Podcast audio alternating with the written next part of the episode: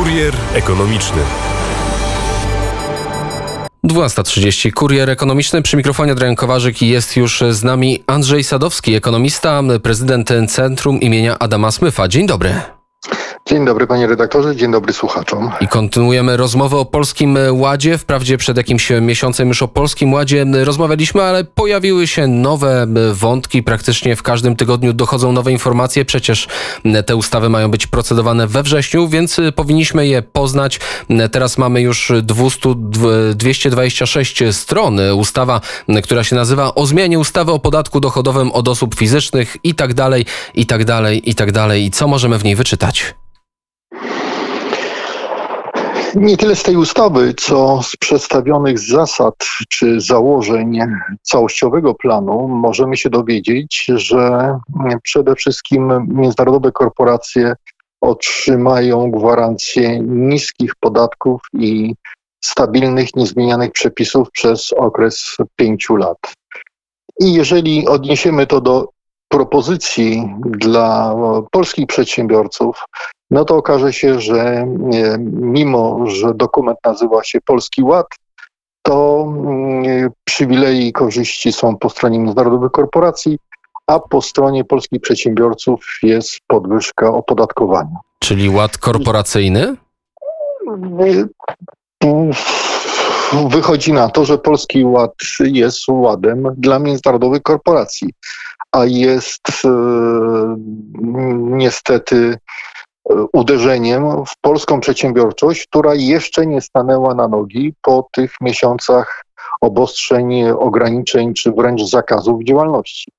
Trudno sobie wyobrazić, czym kierowali się twórcy podwyżek opodatkowania dla zwłaszcza mikro i małych przedsiębiorców w momencie, kiedy widać, że ich aktywność nie odzyskała tego samego poziomu, a niektórych w ogóle już nie ma w tym wymiarze gospodarczym, żeby e, mówiąc o szybszym wyjściu z kryzysu, dołożyć więcej ciężaru. Wyjaśnijmy, Ale... na czym po, polega ta podwyżka podatków, bo słyszymy, że to nie jest podatek, to jest podwyżka składki.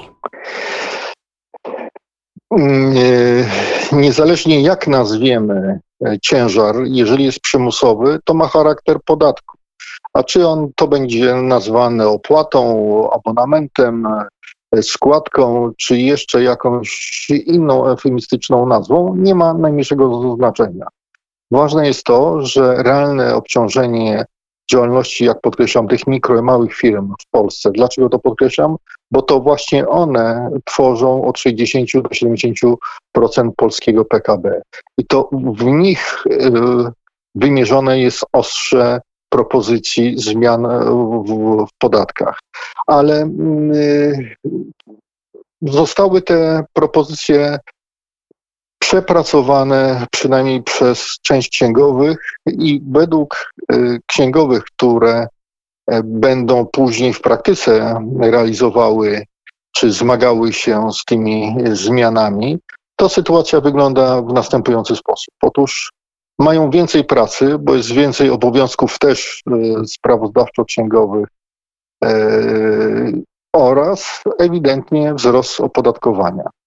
Także polskie, polscy przedsiębiorcy, jeżeli wyjdą te zmiany do e, prawa podatkowego, jak mówię, firmom międzynarodowym gwarantuje się 5 lat niezmienności, to niestety część polskich przedsiębiorców stanie przed wyborem, czy y, nie przejść do gospodarki nierejestrowej, z tego względu, że najzwyczajniej ich sytuacja materialna dzisiaj nie jest lepsza niż pracowników etatowych, a wręcz gorsza, bo to na nich spoczywa ciężar i obowiązek płacenia niezależnie, czy mają jakiekolwiek przychody regularnych y, dań wobec chociażby Zakładu Ubezpieczeń Społecznych. A to pracownicy etatowi według zapowiedzi mają zyskać na tej zmianie, przynajmniej ci, którzy zarabiają do pewnej kwoty, podwyższenie kwoty wolnej od podatku do 30 tysięcy złotych, zwiększenie drugiego progu do 120 tysięcy złotych. Jedni zyskują, drudzy muszą za to zapłacić. Ale jeżeli celem rządu jest y, skrócenie i to w sposób szybki dystansu, który dzieli nas do gospodarek tak zwanego Zachodu, to lekko tylko zmieniając progi spowalniające przyrost bogactwa, bo te wszystkie progi, o których pan redaktor wspomniał, mają podobny charakter jak te progi na naszych e, niektórych drogach, które mają e, spowolnić ruch. One spowalniają nas e, w próbie właśnie dotarcia, szybszego dotarcia do celu. Gdyby te wszystkie normy zastosować wobec naszych olimpijczyków, którzy dzisiaj walczą o medale w Tokio, to żaden z nich y, nawet nie zakwalifikowałby się na olimpiadę, mając takie trudności i takie progi spowalniające po drodze. Także przełóżmy to też na inne obszary życia. To, co rząd dzisiaj zaproponował, jest to zaległa realizacja haseł wyborczych przez sześciu lat. Ona sześć lat temu może miałaby znaczenie, ale dzisiaj stoimy w obliczu faktycznie wychodzenia z zapaści, i musimy e, nadrabiać ten przede wszystkim stracony czas, nie tylko ten czas, który jeszcze mamy do tak zwanego zachodu, a tu okazuje się, że na starcie ci, którzy są najbardziej aktywni w polskim społeczeństwie, właśnie te mikro, małe firmy, które w bardzo szybki sposób mogą jakby też e, zwiększyć zatrudnienie, przebranżowić się, dostają dodatkowy ciężar do udźwignięcia, który jest ponad ich miarę. Profesor Witold Kwaśnicki, który w zeszłym tygodniu gościł na antenie Radia Wnet, powiedział, powiedział wiele rzeczy, ale jedną z nich było to, że brakuje mu radykalnego podejścia w tym programie, radykalnych zmian. Czy zgodzi się pan z tym? Kwestia, w którym kierunku ten radykalizm ma iść, bo tam są takie elementy, które wskazywałyby, że, e, że zabrakło E, śmiałości, czy zabrakło konsekwencji w tym radykalizmie, bo jeżeli już rząd zdecydował się na likwidację podatku PIT dla osób do 26 roku życia, teraz rozciąga to na 9 milionów emerytów, to powinien konsekwentnie zlikwidować podatek PIT, którego uciążliwość, mitręga, miliony zmarnowanych godzin, też miliony złotych na jego e, pobór są niewspółmierne do korzyści, które się uzyskuje. A ten czas odzyskany mógłby być e, zużyty na skrócenie tego dystansu. Stąd e, no, brak mi logicznego wyjaśnienia, dlaczego już tak e, w momencie, kiedy rząd daleko zaszedł z likwidacją podatku PIT, zostawia niewielką część, która jest gorsza niż łyżka dziegciu w beczce miodu. Zostawimy to pytanie otwarte. Przed chwilą rozmawiałem z Gaszparem Keresztesem e, z Instytutu Węgierskiego. Węgrzy już e, dwukrotnie pod rząd podwyższyli stopy procentowe do 1,2%. W Polsce podwyżek na razie się nie spodziewamy. Rada Polityki Pieniężnej e, za każdym, przy każdym spotkaniu kwartalnym mówi nie, to nie jest ten moment. Czego możemy się spodziewać w najbliższym czasie? Powinniśmy się spodziewać, nie, nie spodziewać, powinniśmy oczekiwać, że oszczędności Polaków zostaną ochronione, a wartość pieniądza zgodnie z celem e, działania Narodowego Banku Polskiego zrealizowana. Narodowy Bank Polski nie chroni dzisiaj wartości pieniądza, do którego jest zobowiązany. Także e, członkom, przynajmniej części członkom Rady Polityki Pieniężnej należy Y, życzyć lektury dokumentu obowiązkowego, jakie powinny być ich działania. Powiedział pan części, czyli rozumiem, są spory w tej sprawie w ramach Rady. Nie są spory, bo część członków Rady Polityki Pieniężnej od dawna uważa, że e, dopuszczenie do tak wysokiej inflacji i utraty wartości przez złotego, e, złotego polskiego i tym samym uderzenie w oszczędności obywateli jest po prostu Y, niegodnie, niezgodne z celami, które i NBP, i Rada Polityki Pieniężnej reali powinna realizować. Prezes NBP Adam Glapiński przewiduje, że w przyszłym, w 2022 roku znikną czynniki, wygasną czynniki, które tak napędzają e, inflację e, i globalny wzrost cen, w tym surowców. Co pan o tym myśli? Czyli co zniknie, też zostanie zdematerializowane te 200 kilkadziesiąt miliardów, które Narodowy Bank Polski e, dodrukował w międzyczasie? Czy zostaną te pieniądze też wycofane z rynku i zutylizowane? Należy zadać pytanie panu prezesowi Narodowego Banku Polski. No to odpowiadamy pytaniem na pytanie, więc kolejne pytanie. Wzrost, wysoka inflacja nie przekłada się na pieniądze w portfelach Polaków. Takie zdanie również prezes NBP Adam Glapiński wyraził. Co pan o tym myśli?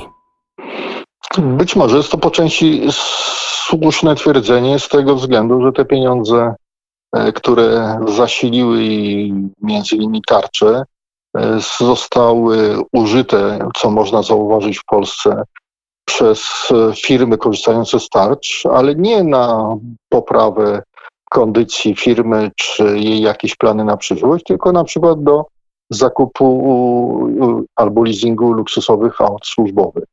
Polsce paradoksalnie, ale w tych ostatnich miesiącach ceny tych właśnie najdroższych aut wzrosły ze względu na e, zakupy firm, a nie zakupy indywidualne.